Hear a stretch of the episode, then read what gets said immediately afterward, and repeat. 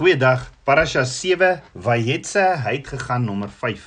Ons het gesien Jakob kom by die put in die veld en drie troppe kleinvee lê daar aan wag. Want uit die put het hulle die vee laat drink. En daar was 'n groot klip op die opening van die put.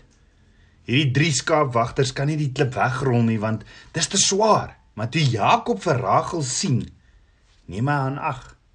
Hy rol die klip op sy eie weg sodat die skapies kan water drink en dan soen hy haar. Hy verhef sy stem en hy ween of hy huil. Genesis 29 vers 12 tot 14 sê en Jakob het Rachel vertel dat hy haar vader se broer en die seun van Rebekka was. Daarop het sy geloop en dit aan haar vader vertel. Toe Laban die tyding hoor van Jakob die seun van sy suster loop hy hom tegemoet en hom helps hom en soen hom en bring hom in sy huis en hy het aan Laban al hierdie dinge vertel. Nou onthou Rebekka se broer Laban, hy het nie dieselfde waardes gehad as Rebekka nie. Laban was 'n man wat voorgegee het dat hy vriendelik en goedgesind was en was eintlik net besorg oor homself en wat hy uit 'n ding kan kry. As jy Laban se taal wou praat of dit wat vir hom van waarde was, dan moes jy praat van familiestatus en van rykdom materialistiese dinge. Dis dis die dinge wat Laban geïnteresseer het. So Genesis 29 vers 14 sê en hy het aan Laban al hierdie dinge vertel. Toe sê Laban vir hom: "Waarlik, jy is my been en my vlees," en hy het by hom 'n volle maand gebly. Met ander woorde Jakob werk 'n volle maand vir Laban en dan sê Laban vir Jakob in 9 in Genesis 29 vers 15: "Sou jy my verniet dien omdat jy my broer is?"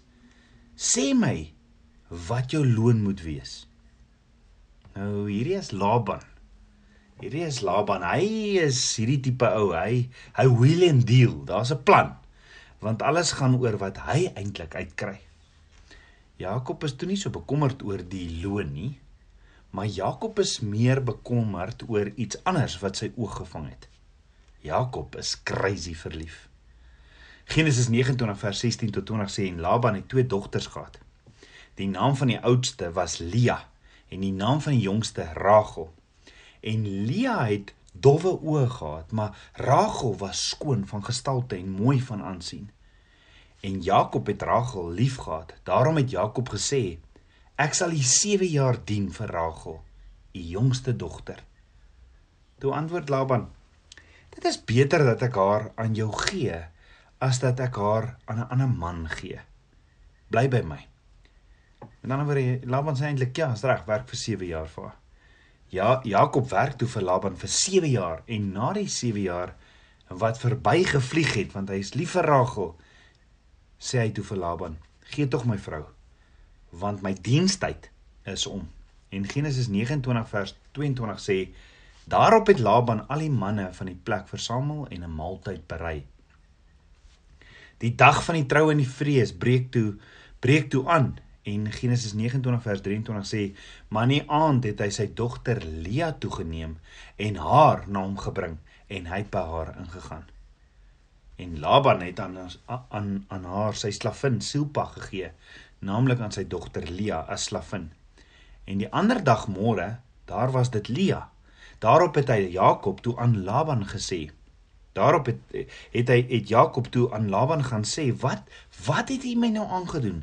Was ek nie vir Rachel by u in diens nie? Waarom het u my dan bedrieg?" En Laban antwoord: "Dit is hier by ons nie die gewoonte om die jongste voor die oudste weg te neem nie."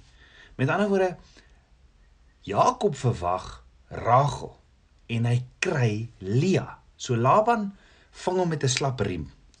Nou, dis vir my nogal snaaks dat Jakob nooit van hierdie reël gehoor het in sy 7 jaar van dienswerk dat hy dat hy eers die dat die eers die oudste een moet trou voor hy die jongste een kan kry nie. Die ander ding wat nogal snaaks is, Jakob het eers die volgende oggend agtergekom. Hy het nooit vir Rachel gekry nie, hy het vir Lea gekry. Maar kan jy dink hoe kwaad was Jakob die volgende oggend? Maar dis die tipe ou wat Laban was. En Jakob vra toe vir Laban in Genesis 29 vers 25: "Wat het u my nou aangedoen? Was ek nie vir Rachel by u in diens nie vir 7 jaar? Waarom het u my bedrieg? Of hoekom het jy my verraai? En Jakob kry 'n proe toe net hier van dit wat hy self gesaai het. Jakob het nou gesaai wat hy self gemaai het. En Galasiërs 6 vers 7 tot 9 sê: Moenie dwaal nie. God laat hom nie bespot nie, want net wat die mens saai, dit sal hy ook maai. Hy wat in sy vlees saai, sal uit sy vlees verderf maai, maar hy wat in die gees saai, sal uit die gees die ewige lewe maai. En laat ons nie moeg word om goed te doen nie, want op die regte tyd sal ons maai as ons nie verslap nie. Onthou Jakob was die jongste boetie wat by die blinde pa mos Isak ingegaan het en gemaak het asof hy die oudste was om hierdie eersgeborene seun te kry. Nou maak Laban sy oudste dogter asof sy die jongste is en bedrieg vir Jakob, die bedrieger wat sy pa bedrieg het. Met ander woorde die wiel het gedraai. Die bedrieger word bedrieg met presies dieselfde eersgeborene reg. En ek wonder hoe lank het dit Jakob gevat om te besef, maar hoorie, dit wat ek Jakob aan my pa Isak gedoen het, het my kamstige skoonpa Laban nou presies aan my kom doen. In Genesis 29 vers 27 sê Laban toe verder: Hou die volle bruilofsweek met haar, dan sal ons jou die ander een ook gee. Nou die bruilofsweek was 7 dae. Dan sê die woord verder: Dan sal ons jou die ander een ook gee vir die diens wat jy nog 7 jaar by my moet volbring. Nou ek weet nie van jou nie, maar maar ek het tog altyd groot geword of met die prentjie van Laban het toe met Lia getrou en toe het hy 7 jaar nog gewerk en gewag vir Rachel. Maar hoor gou wat sê Laban Laban presies in Genesis 29 vers 28 tot 30 en Jakob het so gedoen. Hy het die volle bruilofsweek met haar gehou Toe gee hy sy dogter Rachel aan hom as vrou en Laban het aan sy dogter Rachel sy slavin Bila gegee slavin vir haar. En hy het ook by Rachel ingegaan en Rachel het ook weer hy het Rachel ook meer liefgehad as vir Lea. En hy was by hom nog 7 jaar in diens by Laban. Nou ek het altyd gedink Jakob het vir nog 7 jaar vir Rachel gewerk en toe daarna eers vir Rachel kry. En dit is nie wat die oorspronklike woord sê nie. Nee, die woord sê dat Laban het vir Jakob gesê as hy die bruilofsweek wat 7 dae lank is, deurgegaan het met Lia en deur sien, dan gee hy vir hom ook sy ander dogter, sy jonger dogter, Rachel as vrou. En daarna moet hy vir nog 7 jaar dan vir Laban werk. So binne 8 dae kry Jakob twee vrouens. Ons weet Jakob het 12 seuns by Lea en sy byvrou Silka gekry en by Rachel en haar byvrou Bilka gehad. En Jakob het 20 jaar by Laban gebly. En hoor gou-gou, selfs in die betekenis van die name van die seuns van Jakob. Vertel Abba Vader vir ons hierdie hele evangelie, die hele evangelie. Hoor gou-gou, die eerste seun was Reuben, wat sy naam beteken behold a son is born. Die tweede seun se naam was Simeon wat sy naam beteken one who hears. Maar Vader het gesê dit is my seun en wie ek welbaai luister na hom. Eksodus 23 vers 20 tot 21. Die derde seun was Levi wat sy naam beteken attached of verenig. Die vierde seun se naam is Juda, afgelei van Juda wat beteken danksegging, prys en Juda wat beteken prys Jahwe.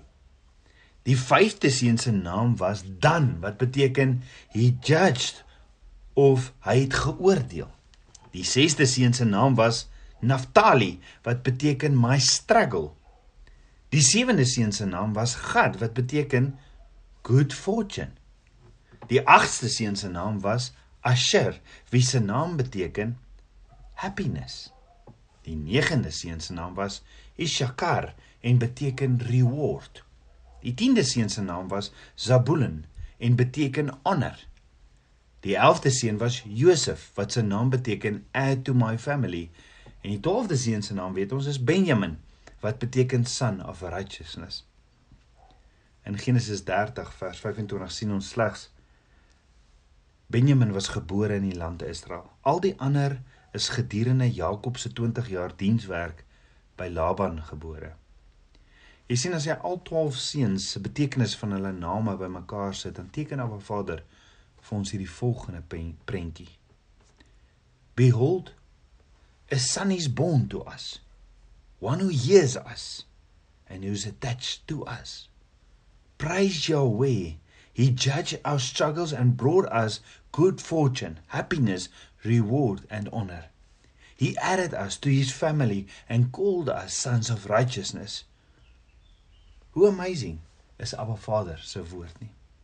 Jakob en sy sy familie het toe vir Laban verlaat en soos wat Abraham en sy bruid Sara hulle familie vir Nahor en sy familie verlaat het vir 'n beloofde land wat hulle nie geken het nie.